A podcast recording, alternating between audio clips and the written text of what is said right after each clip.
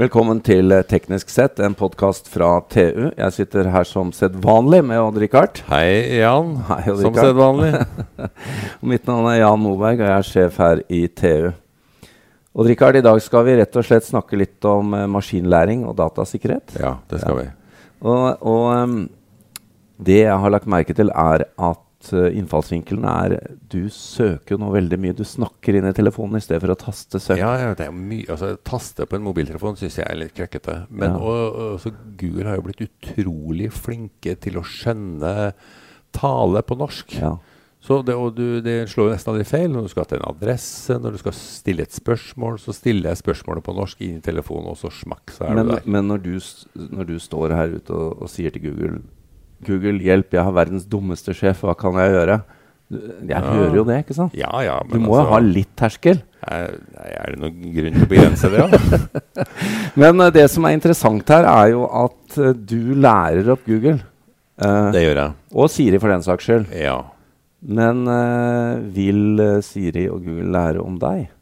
Selvfølgelig. Det Ja. ligger, altså det ligger, jeg, jeg er sikker på at min digitale tvilling, for å bruke det begrepet, Ja. Ligger i flere varianter ute på nettet og, Og da vet, ikke vet mer ja. om meg enn jeg på Ja. mange områder. ja, Kan analysere deg mer presist enn Ja, du selv kan. ja. Og da ikke som identitet, men som atferd. Ja.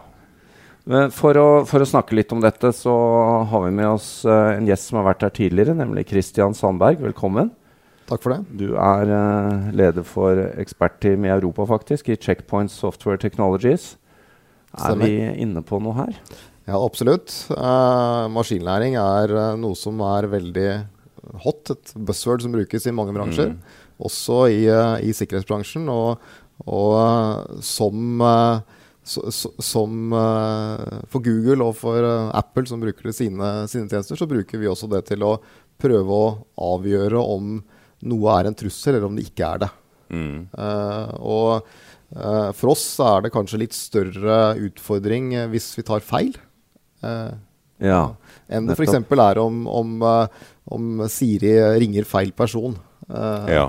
For når vi tar en avgjørelse, så kan det da f.eks. da enten da stoppe et angrep som er et angrep, eller et stoppe noe som ikke er et angrep, og hindre noe som kanskje burde vært sluppet gjennom. F.eks.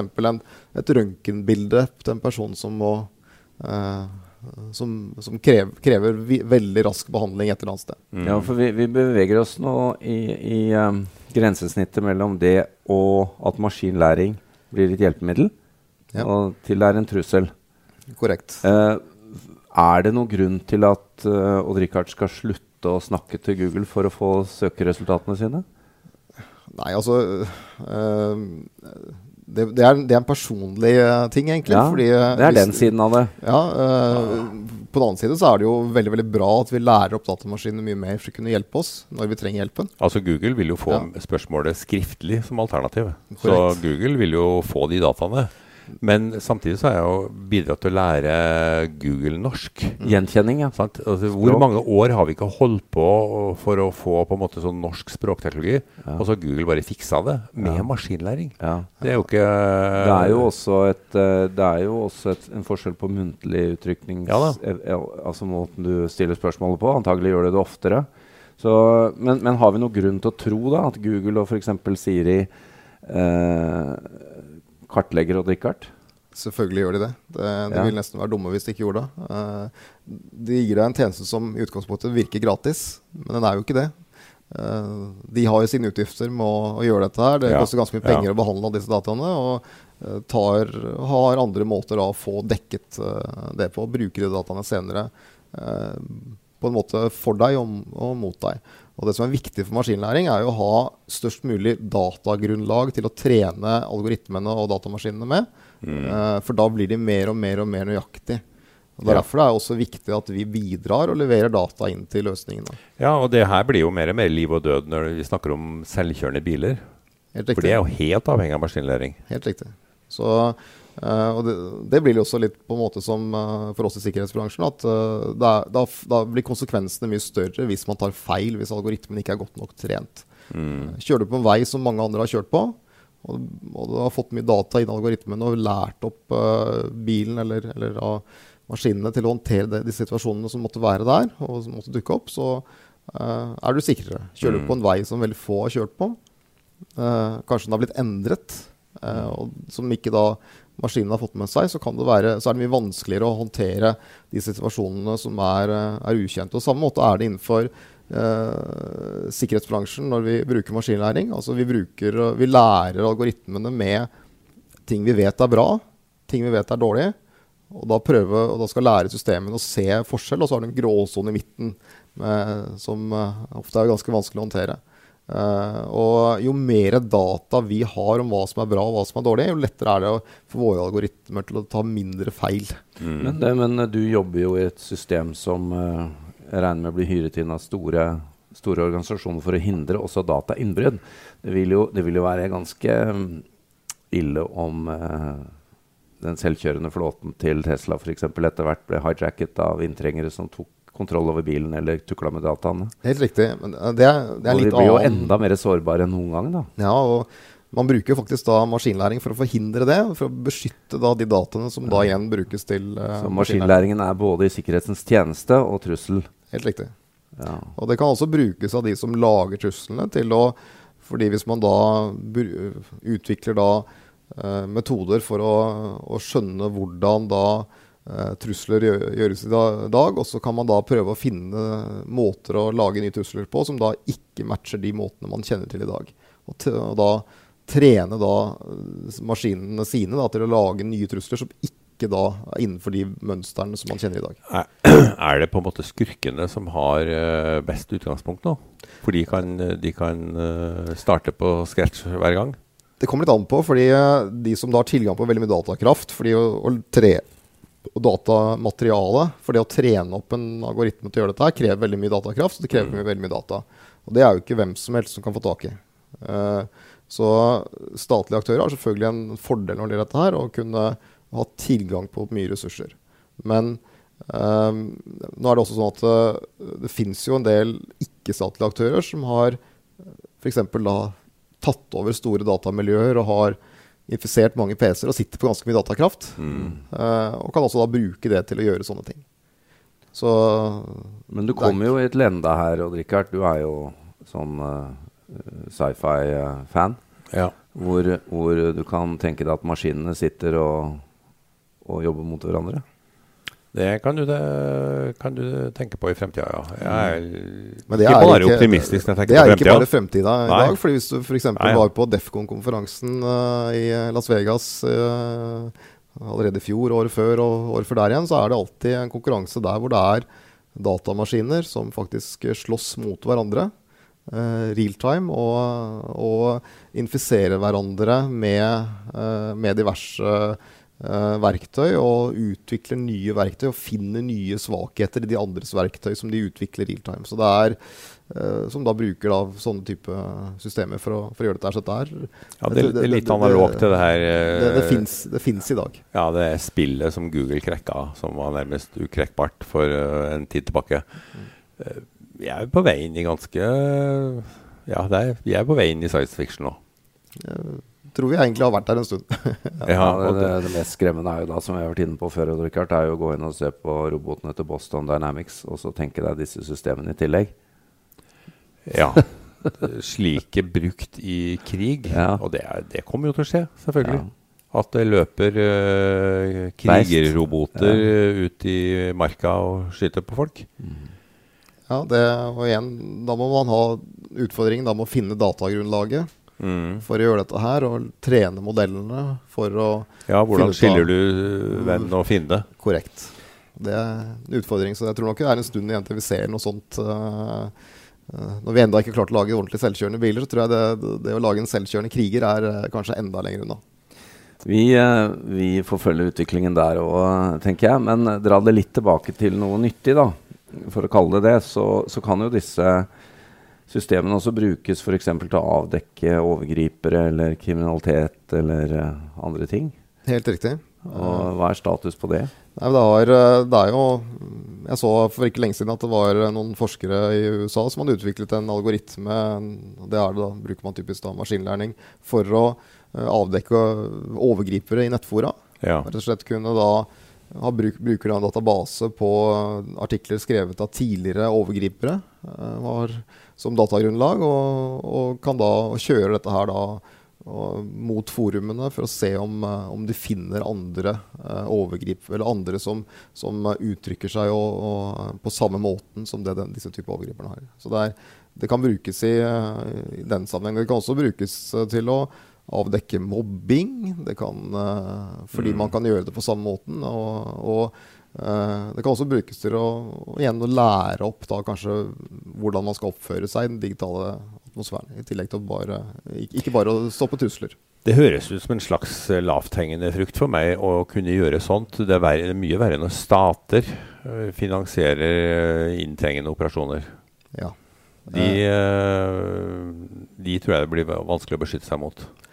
Ja, det, det, vil alltid være en vanskelig Altså De som har mest ressurser til å, til å sette i gang noe, det er, det er alltid det er mest uh, vanskelig å beskytte seg mot. Fordi de vil da gjerne da ligge litt foran deg når det gjelder teknologien, og, og kunne bruke den teknologien som du uh, bruker til å beskytte, så, til å, til å uh, lage trusler da, som, som, som, er mer avanserte enn teknologien som beskytter.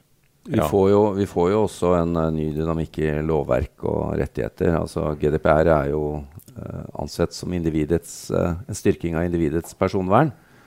det vil kanskje gjøre det vanskeligere å bruke autonome systemer i det godes hensikt òg. så det er jo stor Altså det må jo skje mye juridisk. Ja, det er en stor utfordring. Det er også spesielt for de som skal drive med maskinlæring. fordi hvis du eier alle dataene dine ja. og skal ha rettighet på å kunne slette de i etterkant, mm. uh, og hvis de da blir brukt til å, uh, læring uh, av systemer, så er, ligger de da på en måte inni algoritmen allerede. Mm. Så det er en del gråsoner her som kan være utfordrende å håndtere. for hvis du da sletter alle dine data, og mange gjør det, så mister man en dag grunnlaget for å kunne trene modellene videre. og Plutselig så kan da modellene bli veldig eh, forskjøvet fordi man har mistet en del grunnlag som er viktig mm. når man, man, flytter bort data.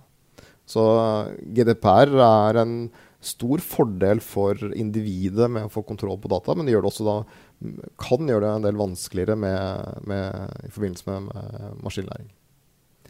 Nå jobber jo du internasjonalt Christian, som uh, leder altså ekspertteam i Europa for Checkpoint Software Technologies, som jo ble stiftet av israelere og har hovedkontor i Silicon Valley. Så, men du har perspektiv på ting. Hvordan, hvordan, ligger vi an her hjemme egentlig i forhold til våre nasjoner ute, kolleger?